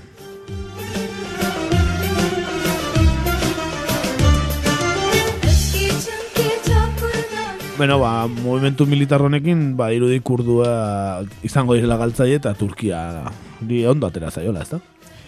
Zalantzare gabe, bai, kurduek berri ba bueno, galtzaile atera dira, kasu honetan, ez, beraien bozera mai batek esaten zuen hori, ba, akordio honetan, ez, kurduak eta batxarra lasaden gobernuak indako akordio honetan, ba, erabaki eta konzesio oso lasgarriak, ez, egin behar izan dituztela, Baina beste alternatiba, genozidio bat, ez? Pairatzea zala, orduan beti bezala kurduak, ba, bueno, ez? E, nazgarrienetan, ba, gutxien eragiten dien aukeratzen, ez? Eta hor badago beste irabazle bat, argi eta garbi, eta da, batxarre lasat. Batxarre lasatek berrezkuratu du egun batean, aurreko bi urtetan, baino lurralde gehiago. Egun batean, akordio honekin lortu du konkistatzea aurreko bi urtetan, baina askoz gehiago. Eta bere tropak dagoeneko, ja, e, Turkiako fronterarekin, e, ez? Turkiarekin frontera egite herrietan daude. Eta IPG, IPJ miliziak, e, Siriako indar berezietan sartuko direla adosten da ere akordio horretan. Bai, ordu ideia bat egiteko ze ondo atera zaion tiro bat eman gabe, lortu du iparraldearen kontrola egitea. Baina bai es, esken idea autonomia bat edo, ez, kurduei, ala? Hortxe dago kontua, bai, e, biharko siriako, ez, e, ba, konstituzio berri horretan, kurduek e, beraien autogobernua eukiko omen dute, eta beraien, bueno, ba, gobernu mota erabakitzeko almena hori paperean jartzen du, noski, ikusi beharko dugu zer gertatzen den. Ba, ki Euskal Herrian ze gauza ona den e, autonomia izatea, ezta? Hoixe, bera, bai. Eta hor bat ere jende askok ez, esaten zuen, akordioa lortu gute, ez, gerran zeuden. Hor kontutan euki behar dugu, kurduen eta alasaden ejertzituaren arteko enfrentamentuik ez tala egon. Beraien arteko liskarrik ez da egon, gerra zizanetik. Orduan, asko zerresagoa izan da akordio hau, e, bueno, sinatzea, ez, zentzu hortan. Eta Turkia azkenean segurtasun ere moren jabe, ez, egingo da, nola bait, bere, bere frontera lerroa pixka bat aldendu ditu hasierako lekutik. Zalantzari gabe, bai, Turkiari, ez, egiten ari diren mugimendu hauekin, Turkiari ja onartzen zaio, e, Siriako, ba bueno, franja guzti hori bere esku gelditzea, bai. Eta esan bezala, e, sueten honen arira, bai, bihar Sotxin Putinekin bilduko da, Erdogan, Eta berak esan duenez, biharkoia konponduta egon barko litzateke nola, nola funtzionatuko duen eh, rojabak emendik aurrera. Bestela ere mehatxatu du, eh? berriro martxan jarriko duela Uda berri Uda berriko bakea operazio. Bere humanismoa, ez da? Hoixe, bera, bai. Eta, bueno, argi dago honen atzean, ba, Amerikar estatu batuak ere egon dela, ez da? E, argi geratu da berriz ere ze garestia den akordiotara iriste Amerikar estatu batuekin ez, nahiko bazkar e, alboratzen dituelako akordio horiek ez, kasuntan kurdistan igertatu zaiona ez, edo rojabako kurdu behintzat. Bueno, ze reakzio izan dute? Ze reakzio izan dute, bai Trumpek, bai Rusiak? E, bueno, ez, e, azkenean, estatu batuek boteretsua boteretsuena izatearen bentaja aplikatzen ari da, ez? Berak, nolabait, ainazkar bukatze honek, ez? Nei ematen dit, edo pentsarazten dit nolabait ja idatzita zegola gidoia, ez? E, aldez aurretik e, azkar izango da, ez tezue e, egun asko iraungo eta gero hau horrela banatuko dugu. Bai, Turkia hasi aurretik, ezta? Hori da, hori da. Ja idatzita zegoen gidoia gutxi gora bera eta bazekiten etzela asko mugituko, ez?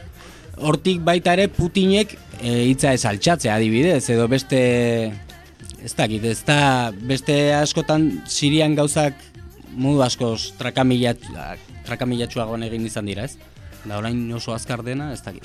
Duare, bai, de hecho, esango nuke kurduek beraiek ja e, plana e, trazatuta zutela. Aspaldianik zekiten daesekin bukatuko zutenean estatu batuek alde egingo zutela. Bai, ez da lehenengo aldia, bai, bada lau aldi kontatu alditugu historia, ez, ez hain urrunean, bai, laro gehieta marretikona, nun estatu batuek kurduak traizionatu dituzten. Orduan, bueno, bai, dure kurduak ere beraien planetan ausartzen zela, ez? Bai, bai, eske beraie dira debilenak, ez? Eta beraien karta jokartu behar dituzte alik eta ondoen, ez? Hori da, eta hor, ba, Putin palomita jaten momentu honetan. Bai, Putin bilakatu da, ba, hori, be, sirian gelditzen den, ez? Ba, herrialde botere txueneko presidenteak kasu honetan, eta berak superbisatzen du estatu batuek eta Turkiak egiten dituzten akordioak increíble, baina horrela da. Bera ari da bertan superbisatzen, Turkiako geita mar kilometro egingo ditula ona, lareun da laro gehi eufrates eraino, ez dago militarrik beste beste leku batzuetatik, bai, koalizio internazionalak ezin du egin, eta errusiarra bakarrik gelditzen dira bertan. Bake nobelerako posizioak irabazten, eh, Vladimir Putin, eh? Desde luego, bai, bai, jo baiet, jo baiet. Hala ere esatea, zuetenak iraunduen bitartean eraso asko egon direla, bai, Turkianen armadaren aldetik, eta bueno, oso gauza e, nola esan. Komunikabidentzako irudio nahi izan dara Erdogan entzat, baina praktikan ez tala zuetenik egon. Bai, hori ere azpimarratu beharra dago. Bueno, benetan, eh, berriz ere, Kurdistan, eh? benetan, eh, bueno, askotan hitz egin dugu beraietaz, eta, bueno, alduten egiten dute, eredu, eredugarri ere badira, eh? baina ez daukate kontu erresa. Ba, ez, ez, Tokatu zaie imperio handien tableroaren erdian egotea eta peoia izatea, ez? Eta, tira, ba, sorterik onena opa diegu hemendik beti bezala. Bai, hori da, elkartasun osoa. Dudari gabe, eta bueno, ez gerra garaian lortu dutenarekin bakarrik ez, horrelako gizartea martxan jartzea gerra garai batean, ja nahiko lorpen garrantzitsua ez, ematen du. Kus dezagun zen moduzko autogobernua izaten duten siraren barruan, ezta? Agian e, gure abezalako lehendakari bikain batekin, ba, seguru oasi bilakatuko dela. Bai, sikiera autogobernua lortzen badute, ez da, hori da. Hori da. Ba, horrela utziko dugu, berriz ere ziur, bueltatuko garela kurdistanera, ezta? Ba, bestitxo bat ekarri dugu. Bai, gaur nahiko, ez, nahiko nostalgiko jarri gara, eta sepultura talde brasildara undiaren abesti bat ekarri dugu. Nahikoa sepultura, eh? Kurdistanen ere gara hauetan. Ja lo creo, bai. Eta hori, abestiaren izenburua, Refuse, ez? Territory. Bai, War for Territory, beste da neukan buruan. Hori da, War for Territory, entzun dezagun ba. Eta gero gaurko egunez.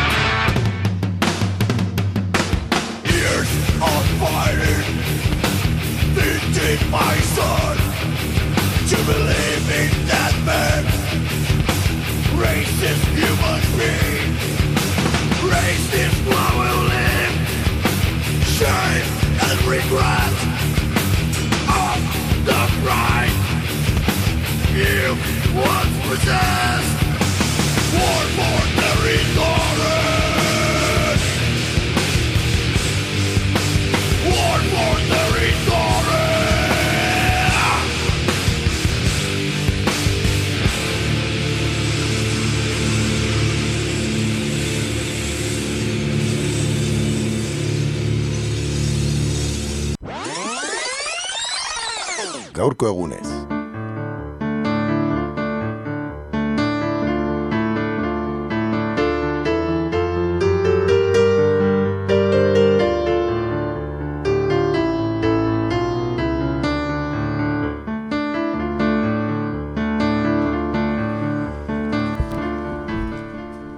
Gaurkoan gure historia modernoko garairik ilunetako batera joango gara. Zein garain da hori? Ba, mila beratzerun da berrogeia. Eta nora joango gara zehazki? Ba, endaia, endaiara joango gara. Maior Ramirezekin. Ez, ez, ez, beste kontu batzuekin gatoz, oen, Endaiara, baina mila beratzerun da berrogeiko endaiara, eh, pixkat eh, zuek eh, ideia bat egiteko. Endaiako tren geltokera zuzen ere, eta geltoki hori ezaguna balin bada zer bategaitik gurean, ba, ondoren kontatuko dizuegun pasarte honegaitik izango da, eh? Eta ze pasarte eta zari zara zehazki? Ba, e, mila behatzen da berroiko endaiara joango gara, eta, bueno, rapisat idea ateon, e, epa, mundu gerako kontestu hortan, mila beratzen da berrogei, Frantzia naziek okupatuta, e, bergoiko ekainaren amalauan Paris nazien esku erori zen, ekainaren hogeita bian Frantziak eta Alemaniak armistizioa sinatu zuten, ja, Frantziaren banaketa egin zuten baita ere, Frantzia librea eta, bueno, Reitxaren parte izango zen beste Frantzia, El Lapurdi, e, Benafarroa eta Zuberoa irugarren reitxaren geratu ziren, e, naiz eta Zuberoatik oso gertu, ja, bitxiren Frantzia edo Frantzia librea zegoen, ez? Oso kilometro gutxitara, ez dakit zehatz, baina dozenaren bat kilometrora, eh? izango da. Eta hori, esan deu, naiz eta bitxiren Frantzian ezartzen zen muga, e, kilometro gutxira hon, ba, e, gure iparraldea, gure Euskal Herriko iparraldea, ba, eh, zegoen e, Hitlerren imperioaren barruan. Eh? Osea, Berlinetik kontrolatzen zen partean. Eta bueno, e, dakizuen bezala, e, Frantzia librea e, petain mariskal Fra Frantzia librea de Gaulek e, irudik e, ordezkatzen zuen, ez? Ez, ez, ez, ez, ez, nazuta zare, Frantzia librea hitz egiten duguna da, e, bitxiren Frantzia.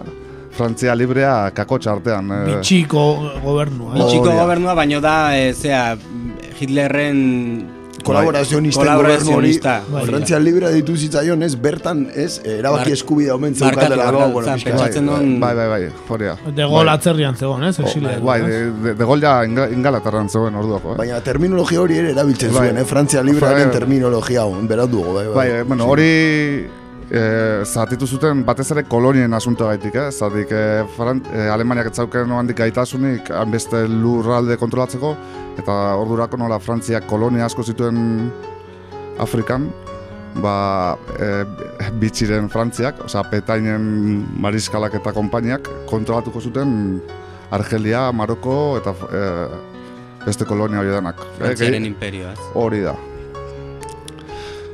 Eta e, badakigu e, mila behatzireun da berrogeiko urriaren emeretzean hain zuzen e, Donostiara turista ezagun bat etorri zela. Heinrich Himmler jauna, horrela deitu al bat dadi gehu. SS etako burua SS-en, eh? Hori da. Bai, bai, bai. bai. San Sebastianen. Eta nolatan etorri zen ba hain kargu importante bat Donostiara. ba, bueno, ba, egun batzu behan dugu, e, Frankok eta Hitlerrek izango zuten bilera bat prestatzera etorri zen Himmler donostiara. Eta, bueno, e, badare emereteketan eta irudiak e, dik errez bi eta nik ikusten zen Hitler donostiako hainbat txoko ezagutzen, eta, bueno, eh? Bai, adibidez, e, nik gogoratzen dudan bat da e, klub nautiko atzean duela, ez? Hor paseatzen bere betaurreko eta txapel karakteristikoarekin, eta antxe, Henry Schindler. Eta pintxoa garestigo ordaindu zituen edo... No, ez dakit galdetu dugu, hori ere, eh? Bueno, gauza da, ba, Henry Schindlerren bizita eta egun gutxira, ba, urriaren hogeita iruan, helduko zela, ba, bizita historikoa. Eta zein etorri izan eh, egun horretan?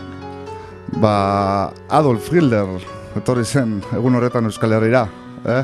Alemanian hasiko buru nagusia, edo irugarren reitzeko Führera, ba, hori, endaiako tren geltokira etorri zen. Eta zein zen Hitlerren asmoa Euskal Herria etortzeko? Ba, bigarren mundu geraren kontestuan, eh, konka, eh, kokatu behar dugu bizita hau. Eta, bueno, ja, bakizu, ja, Frantzia okupatuta, eh, Hitlerrek bazauzken asmoak eh, Sovietar batasuna inbaditzeko eta hori dena, eta Hitler eh, Frankorekin biltzeko asmoz etorri zen endaiara. Frankorek, Frankoren babesan nahi zuen, hilabete batzuk geroago Sovietar batasuna erasotzeko, eta Frankoren aldetik babes militara eta estrategikoa jasotzeko. Bueno, eta badakigu bilera nola joan zen, e, kontutan hartuta Espainia orduantxe bertan, ez, gerra zibietik atera berri zegoela, eta ze adostu zuten endaian, ze papel jokatu zuen gerora Espainiak e, reitxarekin? Bai, bueno, lehenengo kontatuko dugu nola bai eh, Hitler eta bai Franco bera, e, trenez heldu zirela endaiara, e, Hitler Parisetik eta Franco Madrildik, eta Hitlerren atxeka berako Franco berandu iritsi zela endaiako itzordura, eh? Puntualidade espainola. Horia. bueno, e, e, Franco eta bere gobernukideak trenarekin izandako arazo teknikoak jarri zituzten aterapenaren aitzaki gisa, eh? Aitzaki ona, eh? Gando geratzeko, ere bai, eh? Baina, Bazpa, bazpa. Ba, Astoak intira ditan ekarri dut, eta...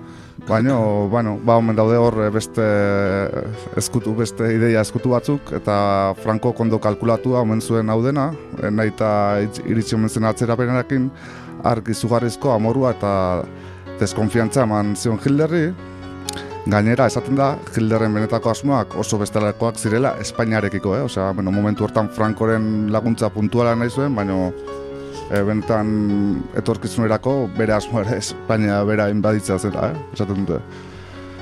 Eta, bueno, Eta elkarrizketek ze eman zuten azken finean. Ba, bai, bai ba, Frankok laguntza militarraren truke e, ba, zer askatu zen, eh? Gibraltar, e, orduan ja Britania han- handiko kolonia zen, baina Gibraltar e, Britania handia garaitu ondoren, eh? ja bere pentsamentua, ba, ja, gerra irabaztera zijoala pentsatuz, ba, Maroko, Frantziara eta Argeliaren zati bat eh, gain, ba, Kamerun, Ginea, Espainiarari batzeko eta noxinatzeko ez. Hau da, beak eskatzen zuen ba, Maroko Frantziarra, Argeliaren zati bat, Kamerun, e, ba, Ginea, Espainiarri anexionatzea. Bueno, ba, lurralde, hainbat lurralde eskatu zizkion Hilderri. Eta horrez gain, ba, Espainiak zeuzkan egoera ekonomiko eta militar larria paliatzeko, e, janaria, arma eta petrolea ere eskatu zizkion Franco e, Alemaniari, Hilderri. Por pedir que no quede, esango lukete, ezta?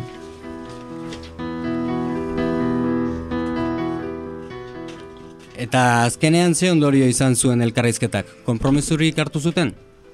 Bueno, ba, elkarrizketen emaitza, ba, protokolo baten sinatzea izan zen, non Franco gerrara sartzera konprometitzen zen, eta Hilderrek Afrikan lurralde batzuk bermatzen zizkion Espainiari. Hori sinatuta geratzen da, eh? Naiz eta gero esaten den Espainia neutroa izan zen eta hori dena. Gero, Alemanien interesei dagokienez, exigentzia altuegiak ziren Espainiak eskatutakoak, eta arlo militarira dagokionez ere, bileran emaitza etzen Hilderren gustokoa izan aipatuko du, pixat ba, beste ondori batzuk izan zituen elkarrizketak ez, ba, adibidez e, mugen kontrola, hori bai, hortan oso garrantzitsua izan zen, e, juduak eta Alemaniatik Alemaniak exigitzen zituen ba, enbat opositore, Alemaniara deportatzea, nik adibidea jarriet eta ezagunenetakoa delako, ba, adibidez, eta lehen aipatu dugun Walter Benjamin bera, Bai, edoi etxarten artikuloan aipatzen zuen. Eh? Espainian zegoen, e, bera bizitzen. E, bueno, e, garai hortan Espainian zeon, eta bea e, z- justu egun horietan baimena eskatu zion Espainiari, Espainiara pasatu alizateko. Eta zeon baimenari etxoiten izan, bueno, e, hainbat aldiz ukatu zioten, eta, bueno, e, be- beak bere buruaz beste zuen, baina berekin zijo zen gehienak e, atxilotu eta entregatu zituztena. Eta, bueno, e, Benjamin Beraz aparte, beste hainbat judu eta komunista, ba, eskatu zituen entregatzeko, eta best, bestalde Hilderrek Espainiara entregatu, entregatuko zituen, ba, e, hogeita maseian alde indako hainbat e, militante eta politikari. E, tartean, ba, Luis Companys, e, Kataluniako Generalitateko presidenta hori ezagunena e, aipatzearen. Eh? Eta ze ondorio izan zituen? Ba, aipatu duna, ez? Ondorio latzenak, ba, deportazioa izan daiteke. E, deportazioa eta Espainiaren historiako garai ilunenentakoa da, ilunenaz bada, eh? eta e, mugen kontrolaz eta deportazioa apartez, aparte, ba, Franco ere legio urdina bidalu zuen Leningradora. Eta bertan, bakizu, borrokak zuten nan, naiz eta galera ondia izan zutenan, eta gehienak e, bertan hil ziren, et, edo bestela, Siberiara bidali zituzten, eta Siberian hil ziren gehienak. E, bakigu gutxi batzuk bizirik irten zirela, eta ondolen ja Stalin hil eta gero, e, Khrushcheven garaian itzuri, itzuli alizan ziren batzuk, gutxi batzuk. Eta Siberian bizi ziren bezain ondo bizita itzultzea erabaki zuten, eh? ba, bakigu, eh? E, legio urdineko oso e, bizirik irten zirenak oso gutxi dira, eh? Osa, mm superbienteak oso oso gutxi dira. E, gero bakigu zer gertatu zen ez, e, gerrak bira bat izan zuen Stalingradon, egoera erabat aldatu zen, Sovietar batasunak Alemania garaitu zuen, baina ondoren e, Frantzia, Inglaterra eta Estatu batuek nahiago izan zuten Franco fascista aliatu bezala, ordurako gainean zen gerra hotzerako. Ondo, eta ondoren etorriko zen, frankismoaren ba, fasismotik nazional katolizosmoruntzeko aldaketa hori, aurpegi garbiketa hori, non potentziek honetxe egin zuten, Europa eta Estatu batuen laguntza izan zuen Frankok, eta, bueno, gero bakigu, hortik aurrea ba, gertatu zena, e, Espainia demokra, demokratizatu hori. Ustez demokratizatu hori esango dugu, eh? Eta ba, gaur egun pairatzen dugun guzti hori, eh? Estatu post-frankista, irugaita mezortziko regiminaren gauzatzea, borboien agendupean gaur egungo egoera edo markoa, ba, hortik or, dator.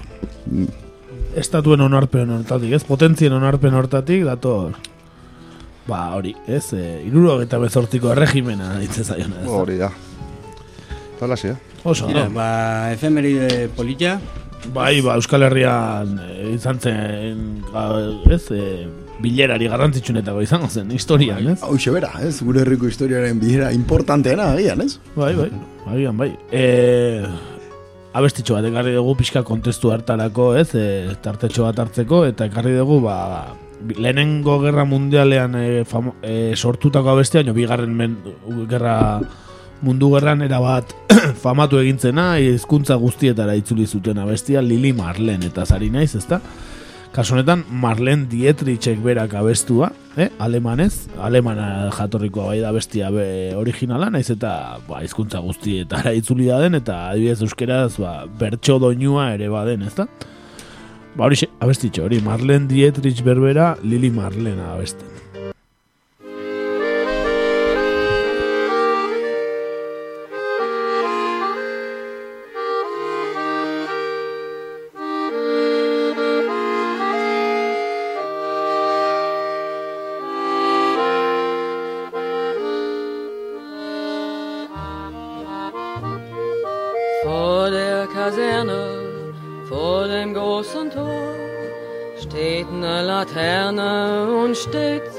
Davor. Dort wollen wir uns wiedersehen, bei der Laterne wollen wir stehen, wie einst Lily Marlene, wie einst Lily Marlene. Unsere beiden Schatten sahen wie ein aus, dass wir lieb uns hatten, das sah man gleich daraus.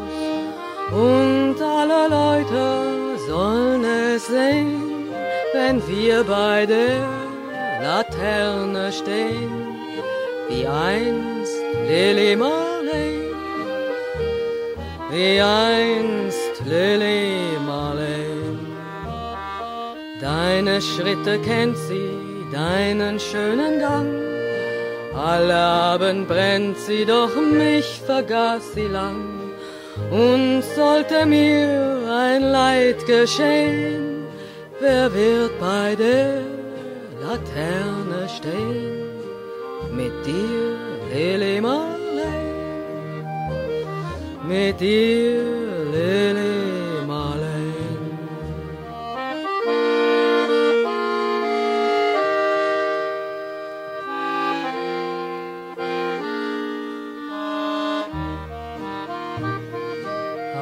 Aus dem stillen Raume, aus der Erde Grund, hebt sich wie im Traume dein verliebter Mund. Wenn sich die späten Nebel drehen, wer wird bei der Laterne stehen? Mit dir, Lili Marley, mit dir, Lili Marley. Wenn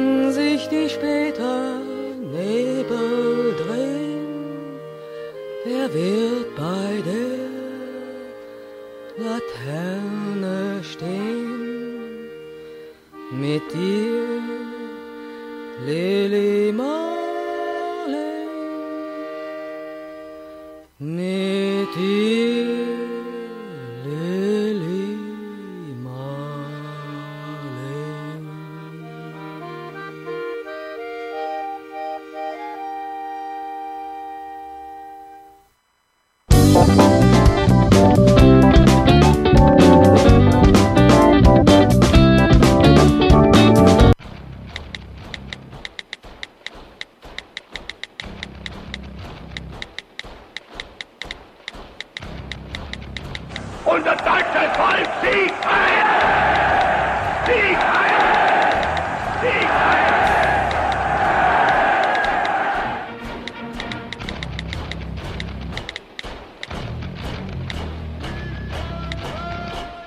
Badatoz SSA.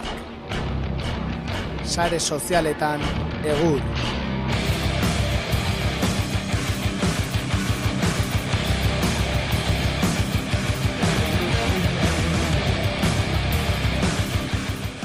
Beno, guazen ba, labur-labur sare sozialekin, eh?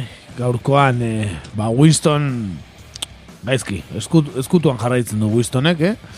E, justu justu kontaktatu izan dugu berarekin. Sasian dago, Sasian dago bat. Eta esan digu, ba, oraingoz bintzat ez daukala Lanera itzultzeko indarrik, ezta? Benetan tamalgarria, ba, gure kidea bizitzen ari den egoera, ezta? Winston birakatxarena, benetan, e, ba, beso osoa berriz ere. Eta, ba, ala ere, ba, Mexikon azken gertakizunei kasu egiteko esan digu, eh? ez dauka gogorik lanerako baino bazpare eta kabaki fokoa nun jarri, ezta, eh?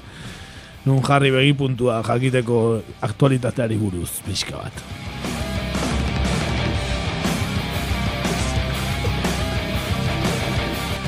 Eta ba, kontaktua pasa digu bere kide batena Nelson Freddy Padilla berbera, eh? izan bikaineko kazetari ezin hobea, Nelson Freddy Pa- Padilla.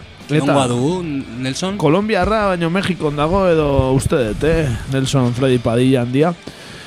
Eta, ba, ostegunean atxilotu zuten Ovidio Guzman, jenteratuko zineten egian, ez? Kuliakan irian, ba, kaosa eragin duen gertakaria izan da, eh?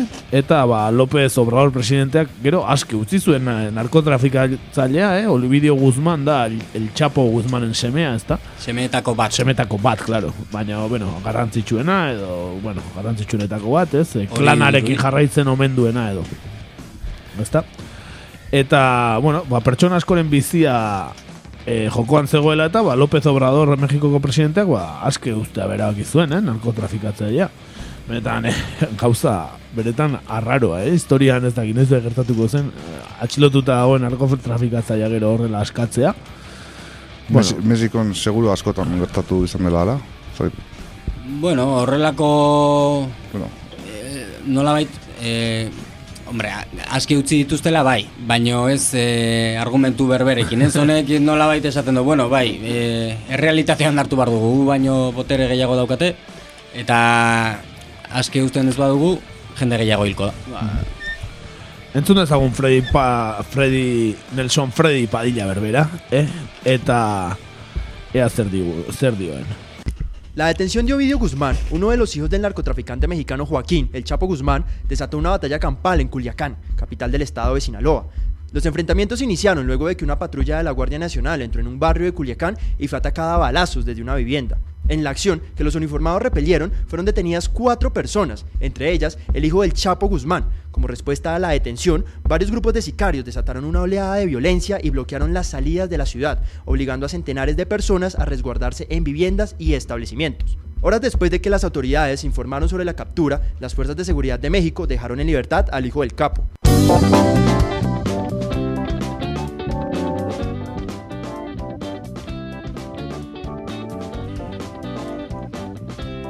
Ba, esan bezala indar erakustaldia, eh, egin du azken astean eh, Sinaloako droga kartelak. E, gudu zelai, bilakatu du e, zortzireun mila biztanleko kuliakan iria, eh, Sinaloako eskualdean aurkitzen dena, Mexikon. Obidio Guzman askatzeko eta lortu gude, euren helburua esan bezala. E, ostegunean, atxilotu zuten Mexikoko Armadak eta Guardia Nazionalak Obidio Guzman López, egun esan bezala kartzelan den Joaquin Guzman El Chapo, narkotrafikatzaile entzutetsuaren amar sebe arabetako bat. Obidio Guzman, otxaian inputatu zuten, Amerikako estatu batuetako auzitegiek anaia zarrago batekin, batera, 2000 eta sortzi eta 2000 eta emezortzi artean, Mexikotik estatu batuetara drogak importatzea egotzita. Kuliakanen sortu zen, Sinaloako droga kartela, eta bertan atxilotu zuten Obidio Guzman, Azkar, erantzun zuten berekidek, violentzia eta kaosa izan ziren nagusi irian ondorengo orduetan. Narkotrafikatzaileek iriko irteerak blokeatu zituzten eta herritarrek zeuden tokietan babestu behar izan zuten tiroketa eta sultetatik. Sarean zabaldutako bideoetan ikus ditekeen hainbat pertsona armatu kuliakaneko kaleetan, autoak eta dendak ere lapurtu zituzten. Iriko kartzela batetik, hogei eta hogei tamar preso artean askatu zituzten, eta atzo agintariek ez zuten hildakorik baiestatu. Andres Manuel López Obrador, Mexikoko presidenteak ostiralean azaldu zituen Ovidio Guzman, aske usteko arrazoiak, ala esan zuen. Gaizkile baten atxiloketak ez du balio pertsonen biziak baino gehiago. Segurtasun batzordeak erabaki hori hartu du eta babestu egin dut nik. Esan zuen, kuliagango egoera oso zaiak behartu zituela erabaki hartzera, herritar askoren bizia arriskuan zegoerako. preguntar eh, si la orden de aprehensión de la que usted habla fue eh, contra Ovidio o Iván Guzmán y quién se las habría pedido. Bueno, y tengo otra pregunta. Sí, es Ovidio Guzmán López. Aquí lo tengo. Una orden de aprehensión.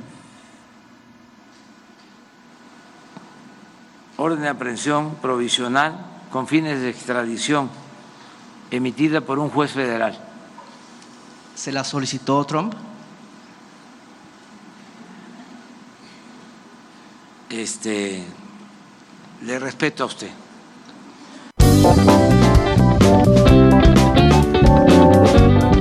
Andres Manuel López Obrador, bere handitasunean, eh? Ira, irakurtzen, haber zeintzan, obidio edo ez, haber aldi zuen ordena, eta behin Trumpen hitza aterata, le respeto a usted. Joder. Patxada oso sartu du, ez, bere lana, eta... Bai, bai, patxada oso oso, benetan, patx- patxada handiko gizona, eh? Lasaietan lasaiena, eh? Bai, bueno, ba, berak, ala ere, eman zituen esplikazio gehiago, e, ati, a usted le respeto zara dago, ez? Ba, esan zuen, ba, bere gobernuak, ba, estrategia ezberdin badaukala narkotrafikanteen kontra, ez da? Esaten dugu ez dugu hildakorik nahi, ez dugu gerra nahi, zaila da ulertzea, baina lehenengo estrategiaren ondorio herrialde hilerri bat bilakatzen ari zen.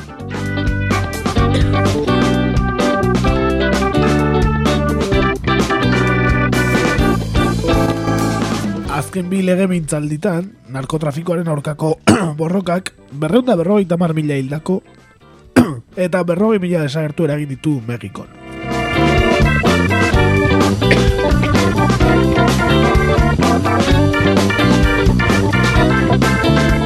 Hortxe, ez tarri hortxe geratu zait ba, eh? Mexikora bidean.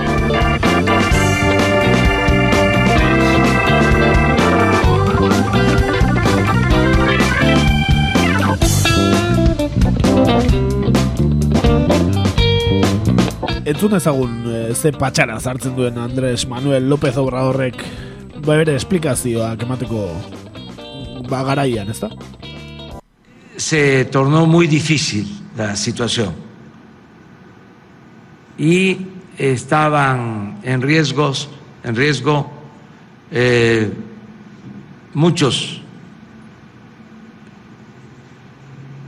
ciudadanos, muchas personas, muchos seres humanos. Y se decidió proteger la vida de las personas. Y yo estuve de acuerdo con eso. Porque no se trata de masacres, ya eso ya se terminó. No puede valer más la captura de un delincuente que las vidas de las personas. Bueno, esaten duenak badauka bere zentzua, baina ikusten dugu patxara handikoa dela, eh? Gure AMLO, eh? López Obrador, berbera. Bai, bere denbora hartzen du, eh? Bai, ez dakit pentsatzeko hartzen duen denbora edo ez dakit Mexikoko patxara karakteristiko izango da? Bai, baina ez dakit presidenteak bakarrik eukiko du agian hitz egiteko orduan, porque beste askok ez daukate ez, nahiko lokoazitate handiagoa erakusten dute Mexikar asko. Azkar eta bizi hitz egiten dute ez, berez, Mexikarrik. A huevo. ba, entzun ezagun, bazuen eta gehiago esateko amlok eta baina hartu degula bere ritmoa zein den konturatu garela, ba, entzun ezagun bere patxararekin e, oraindik eta esplikazio gehiago emat bai zituen. Esta decisión se tomó para proteger a los ciudadanos. Es que no se puede apagar el fuego con el fuego. Esa es la diferencia de esta estrategia con relación a lo que han hecho los anteriores gobiernos. Nosotros no queremos muertos, no queremos la guerra. Esto les cuesta trabajo entenderlo a muchos, pero la estrategia que se estaba aplicando anteriormente convirtió el país en un cementerio. Y eso ya no lo queremos. Lo he dicho una y mil veces. Nada por la fuerza, todo por la razón, el derecho. No es fácil, es un proceso. No es sencillo porque se dejó avanzar mucho el problema.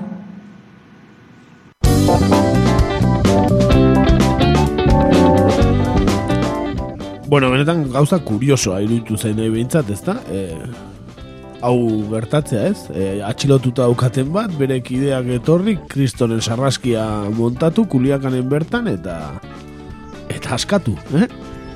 Ba bai, e, esan behar da bere argumentu patxada zartutako hitzek badaukatela zentzua, ez? E, el fuego no se apaga con fuego, efectivamente.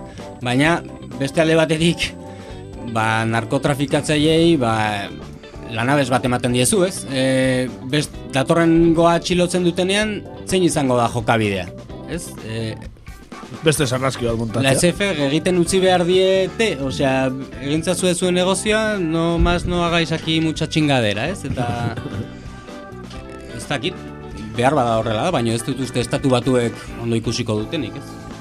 Ba, nahiko polemikoa dirudi badago arrazoi ez, arrazoiaren bueno, parte bat ez, esaten duen guzti horretan. Baina egia da, prezidente arriskutsua ez, sortzen duela Mexikarrentzat batez ere, ez, gehiago gobernuarentzat, baizik ere, eta ez, Mexikarrentzat. Eta batez ere, kontutan hartu behar dugu, pertsona hauen nola esan, industriak ere jende heltzen duela. Hau da, ez, sarraskian agian ez dira hilgo, baina beraien ekin bidaren ondorioz ere jende heltzen dela, ez? Hor dago, ez, e, dikotomia bat, ez? Bai, eta hori gogoratu ezagun, ba, agian eh, Mexikok eh, azken urtetan izan duen narkotrafikatzaile ezagunenaren semeetako bat dela, ez da, El Chapo Guzmanena, ez? Ba, bai, bai, aski ezaguna da, eh, atxilotuaren aita, bai, Joaquin Guzman El Chapo, Sinaloako droga kartelaren sortzailea eta liderra izan da, urte askoan, E, besteak beste, FBI eta Interpolek osatutako gehien bilatutakoen zerrendan, lena izan zen, Osama Bin Laden atxilotu ostean, bueno, erail ostean kasu hontan, eta Netflixek berari buruzko telesail bat ere badauka. Bai, orain ez, e, nola dira, narkoseriak ez modan daudela, ez? Bai, Ba, narkotrafikanteak ia eroe bihurtu dira, serio horiek, ez? Hori da, el txapok ere berea dauka. E, azken aldiz, 2008an atxilotu zuten eta gaur egun segurtasun maila goreneko. Kartela batean dago Denverren, estatu batuetan. Uhum, bai, ez autu, ez, esate zuten harrapatu zutera, ba, sonpenekin elkarrezketa bat izan zuela, eta ez? Ja, Sean Penn eta Kate del Castillo, eh, mexikar eh, aktore famatu bat, eta horrek eraman omen zuen atxilotzera, baina bueno, atxilotu zuten eta ies egin zuen berriro, badakizuen lehengo aldiz, eh, erropa zikinaren kamioian alde egin zuen, eta bigarrenez Tunel Almo, bat, ez? Almoloiako segurtasun goreneko kartzelatik eh, bertan daude eh, Karo Quintero aurreko garaietako narko oso famadun bat eta beste asko han sartuta, baina berak tunel bat egin zioten eta ies egin zuen. Motor eta guzti, ez da, tuneletik motorrarekin ez, eskapatu zen. Ingenieritzak aurrera egiten du narkotrafikoarekin, hor? Bai, ez bai. dago dudarik. ba, militarrek baino lehenago, ez? Mexikoko militarrak baino aurreratuago. Beharra ez? handiagoa denez, ba, ingenio ere bai, azkenean. Ba, benetan kuriosoa, eh, zaigu hau, eh, eta eskerrak eh, jarri gaituela puntestuan eh, Winston birakatxak, ez da? Eta, ba, Txapo Guzman eta ere zatitxo bat esan digu eh, Nelson Freddy Padilla Berberak. Ovidio y su hermano Alfredo asumieron el liderazgo de una parte del cartel de Sinaloa, desde la extradición de su padre a Estados Unidos en enero de 2017. Guzmán, que llegó a ser considerado el narcotraficante más poderoso del mundo, se fugó en enero de 2001 de la cárcel de Puente Grande. Fue capturado de nuevo en febrero de 2014, pero 17 meses después protagonizó otra espectacular huida de una penal de máxima seguridad. El Chapo fue detenido por tercera vez en enero de 2016 y un año después fue extraditado a Estados Unidos. Ba, hortxe, Nelson Freddy Padilla, badaukagu beste bat jarraitzeko, eh? Gure Nelson Freddy, eh? Eta ez nola nahiko, oso lan txukune egin du aste honetan, Nelson Freddik. Hori da, hori da. Ba, amaitzeko abesti bat ekarri dugu, eta benetan kuriosoa da, zatik ostegunean gertatu zen kontua, Ovidioren kontua, Ovidio Guzmanena, txiloketa eta bat, bueno, ba, larun baterako korrido bat eginda zegoen ja. Interneten korrido bat eh, eginda eta jarrita zegoen ja. Eta, pues, korrida hori karri dugu, los de la corona taldeak, jarrita zeukan, la correteada korrida, eh, korridoa, eh, ba, horri, gertatu zenari buruz. Ko, korridoa, benetan kuriosoa, mexikarrena ere, eh, kantu honetan. Bai, bai. Hortan ere ingenioa sekulako daukate, beti abestiren bat asmatu da. Hori da, ba, bere, abe, hori, los de la corona, la correteadarekin agurtuko zaituztegu, eh, eskerrik asko batetik entzule eta aurrengo astera arte. Hori da, gaiztok izan, laizter gea. Izan, Horrengo arte, aio.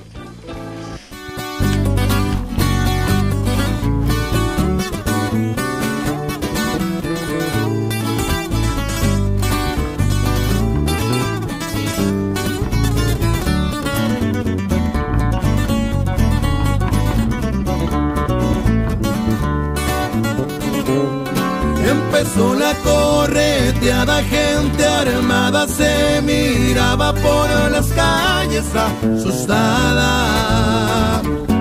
Transitaban poliguachos de la zona de Culiacán, Sinaloa. Alisten todas las armas, las granadas, lanza papas por si sale algún problema. Porque al jefe hay que cuidarlo de la muerte, también si hay inconveniente. Cada quien se activó a empezar la labor, somos gente de acción, sin comparación, a la orden del jefe para lo que se le ofrezca al señor. ¡Juga! Ya nomás por la del vidrio, compadre. Desde la corona, mi rey. ¡Eso!